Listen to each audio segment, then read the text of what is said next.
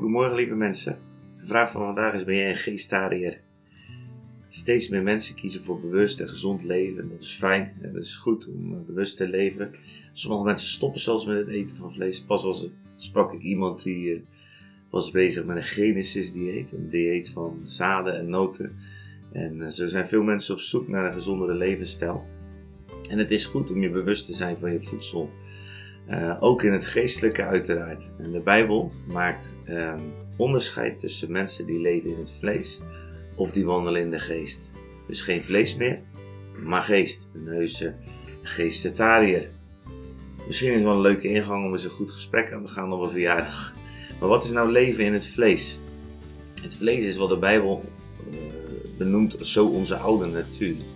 Dus alles wat ons nog aankleeft van het oude leven benoemt de Bijbel als vlees. En als we Jezus hebben aangenomen, zijn we opnieuw geboren, niet vanuit het vlees, niet vanuit het natuurlijke, maar vanuit de geest. Johannes 3 vers 6 zegt zo mooi, wat uit het vlees geboren is, is vlees. En wat uit de geest geboren is, is geest. We zijn dus opnieuw geboren uit de geest. Een nieuwe schepping. We zijn dus niet meer in het vlees.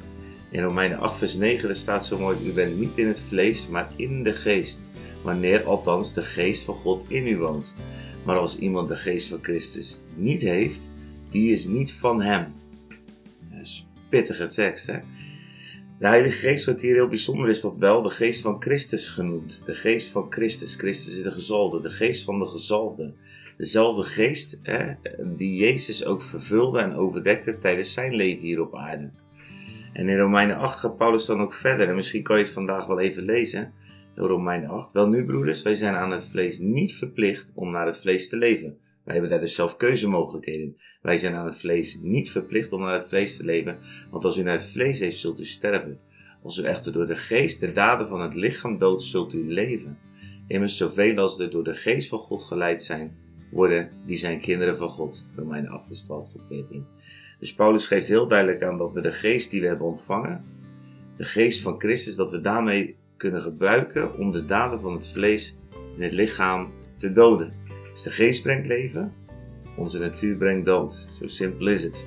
Dus ik wil je vandaag gewoon uitdagen om dat te vragen aan God, aan de Heilige Geest. Lieve Heilige Geest, welk stukje vlees, welke gewoonte, welk gedrag, welke tekortkoming uh, van mijn vleeselijke mens, welk vleeselijk denken, welk vleeselijk doen mag ik vandaag doden?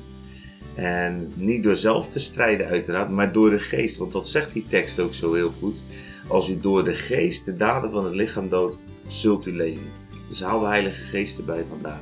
En vraag hem waar jij een stukje meer geestentariër mag worden. Waarbij je afstand mag nemen van een stukje vlees. Ik wens je daarbij heel veel zegen. Vader, dank u wel dat we ons daarna uit mogen strekken. Dat we door de geest mogen wandelen. Niet naar het vlees, maar in de nieuwe schepping.